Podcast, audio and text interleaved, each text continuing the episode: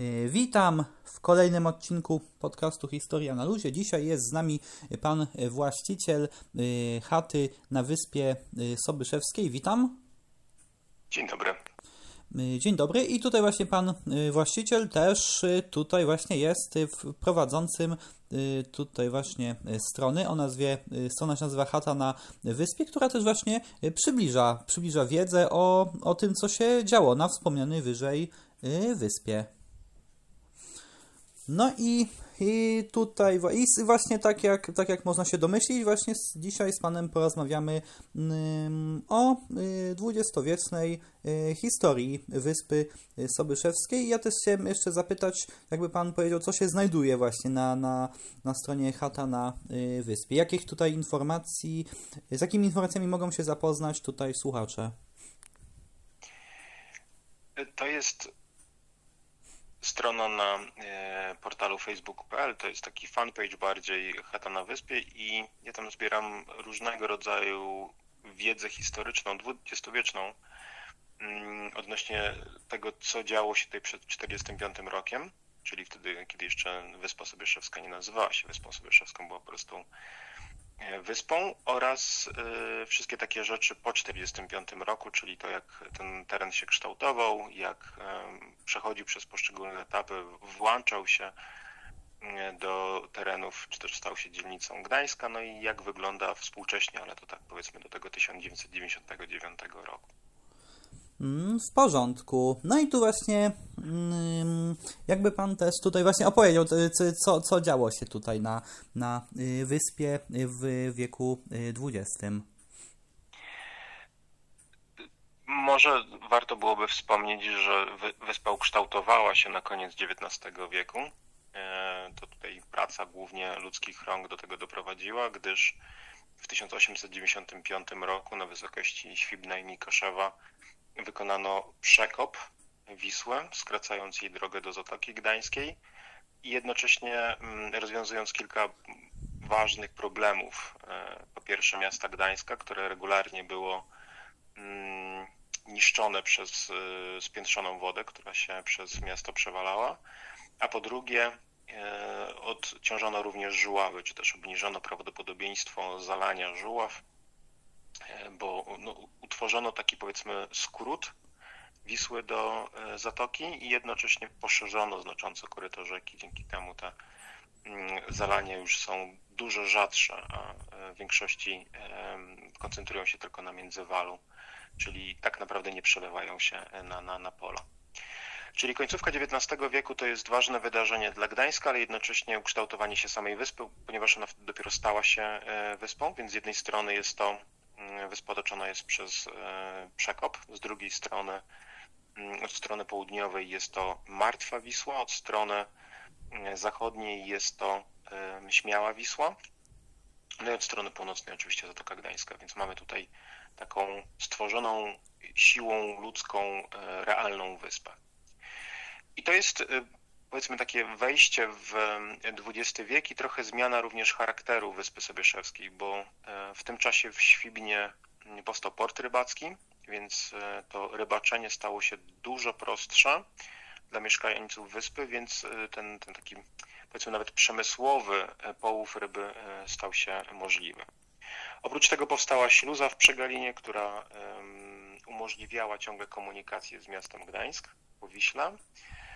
No i też e, uregulowanych zostało trochę tych ciągów e, rzecznych, również Martwej i Śmiałej Wisły. Dzięki temu na Górkach Wschodnich między innymi to rybołówstwo jeszcze bardziej się e, miało szansę rozwinąć. I tak mniej więcej trwało to do początku lat dwudziestych, może nawet odrobinę wcześniej, gdzieś tam lata 1915-1920, kiedy Wyspę Sobieszewską odkryli turyści, głównie można powiedzieć kuracjusze, którzy przyjeżdżali tutaj z Gdańska, ale nie tylko, z wielu innych miejscowości, wypoczywać.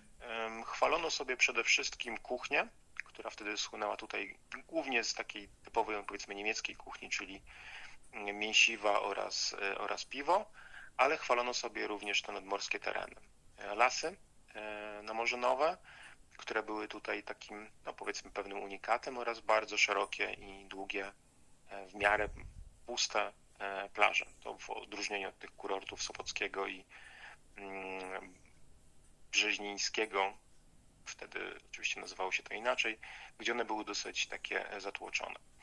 I charakter wyspy zaczął się zmieniać, bo oczywiście praca rybaka dużo trudniejsza od pracy takiego przyjmującego gości gospodarza house'u, więc wiele też chat rybackich, ale też takich obiektów turystycznych powstało.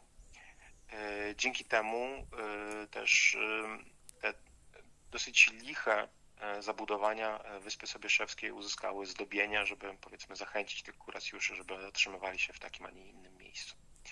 Więc taki okres kuracyjny powiedzmy dla e, samego Sobieszewa, głównie dla Sobieszewa, on się później rozlewał też na Górki Wschodnie mm, i częściowo na inne miejscowości, również e, Przegalina, wtedy Inlage czy Ślibno, Schiebenhorst też uzyskiwały jakieś korzyści z tych kuracjuszy, ale nie takie duże jak właśnie samo Sobieszewo, czyli w tamtym czasie mm, Bonzak. I to trwało mniej więcej do e, wybuchu mm, II wojny światowej, kiedy oczywiście no, ludzie mniej myśleli o wypoczynku, a te rejony tutaj e, ze względu chociażby na bliskość też Wolnego Miasta Gdańska i, i obecność na samej Wyspie Sobieszewskiej mm, Alberta Forstera, zwanego Katem Pomorza, no, trochę się przeobraziły. No, na pewno nie było tutaj już takiego ruchu turystycznego, on był znacząco mniejszy.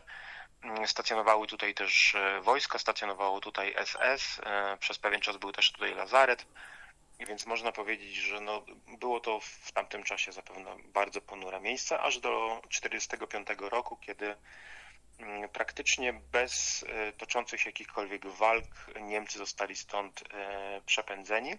Ale zanim to nastąpiło, to jeszcze nastąpił ten e, dramatyczny marsz mieszkańców Prus oraz Niemców, którzy uciekali ze swoich terenów, uciekali z Królewca i innych części Prus i ich marsz e, często kończył się właśnie w okolicach Mikoszewa, gdzie zabierały ich statki. Część z nich przeprawiała się na drugą stronę Wisły i docierała aż do Ostliśnofar, czyli do mm, Górek Wschodnich i stąd dopiero odpływali, odpływali statkami w kierunku Niemiec.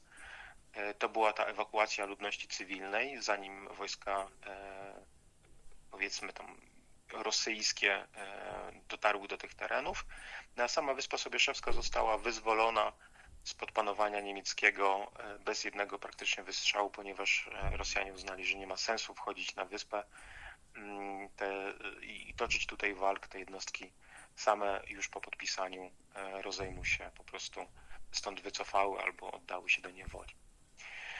Z tym wydarzeniem z tą ucieczką y, Prusaków i Niemców wiąże się też y, taka historia, że oni, ponieważ nie mieli możliwości za bardzo zabierać stąd swojego majątku, a wieźli wszystko, co mieli aż do tego miejsca, e, a kapitanowie statków nie zgadzali się na wnoszenie ich e, wszystkich dóbr, w większości oni musieli je tutaj na wyspie zostawić, porzucić. E, część tych rzeczy została zakopana, ponieważ oni mieli prawo do wejścia na pokład statku zazwyczaj tylko z jedną walizką.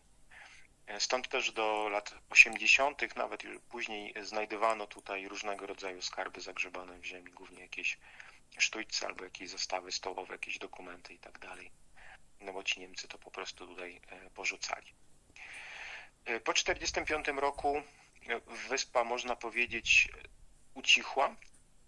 Tutaj już nie działo się zbyt wiele do czasu, jak przyjechali powiedzmy nowi osadnicy, którzy E, zasiedzi, zasiedlili domy pozostawione przez Niemców, no i tutaj od nowa zaczął się rozwijać ten, to rybołówstwo. Rybaczenie stało się tutaj też takim głównym źródłem, źródłem zarobkowania. E, warto podkreślić, że część Niemców, którzy została, która została na, e, na wyspie, uczyła Polaków, którzy się tutaj pojawili właśnie rybołówstwa i dzięki temu mm, powiedzmy byli oni efektywni i skuteczni w tym, żeby tą rybę z, równo z Wisły, jak i z Zatoki Poławiać. E, taki stan rzeczy trwał mniej więcej do lat 60., e, bo wtedy zaczęły powstawać pierwsze ośrodki. No, już w latach 50. były pierwsze, ale tak powiedzmy taki rozwój turystyki to są lata 60., mm, poważny rozwój turystyki. No i wyspa została na nowo odkryta, tym razem przez Polaków i tym razem e, przyjeżdżali tutaj nie kuracjusze, a bardziej osoby, które spędzały tutaj w czasem. Również wiele zakładów pracy z, z całego kraju pobudowało tutaj swoje ośrodki, stąd też jeszcze ciągle takie ośrodki jak na przykład Drogowiec czy ośrodek Relax należący do różnych przedsiębiorstw e, na Wyspie Sobieszewskiej z czasów PRL-u można, można, można znaleźć. E, świetnie się rozwijała ta, ta taka powiedzmy turystyka e, na Wyspie Sobieszewskiej. Ona ogólnie była uznana za dosyć takie przyjazne i dosyć spokojne miejsce do, do spędzenia czasu wakacyjnego. A to trwało mniej więcej do lat 70. W 73 roku Wyspa Sobieszewska została przyłączona do miasta Gdańska jako jego dzielnica i wtedy władze obecnego województwa gdańskiego e, zaczęły wymyślać, co z tą wyspą zrobić, bo nie do końca też wiadomo było, co na niej lokować.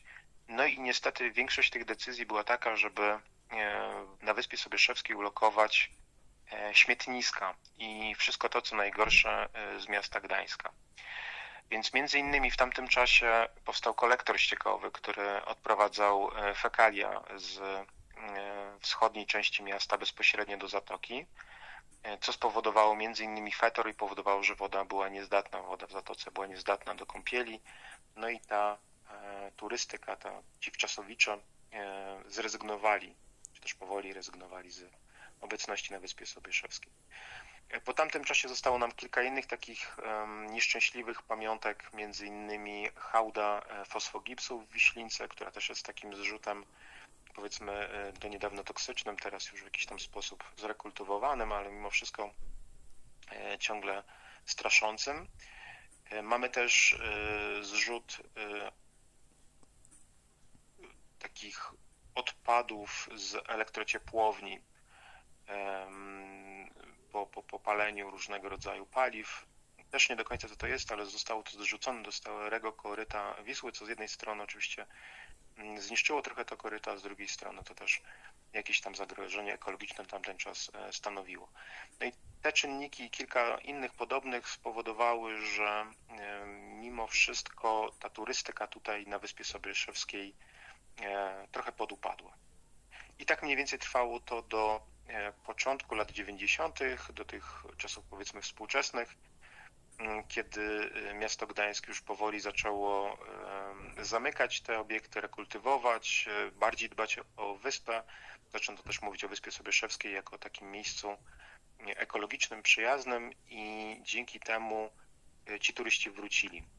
Czyli w latach 90. taki ponowny przypływ różnego rodzaju gości z różnych rejonów się pojawił, szczególnie tych, którzy jeszcze z czasów PRL-u mieli sentyment do tego miejsca, no ale też nowi ludzie zaczęli odkrywać to miejsce i teraz współcześnie e, coraz więcej gości, coraz więcej turystów znowu na Wyspę Sobieszewską mm, przyjeżdża.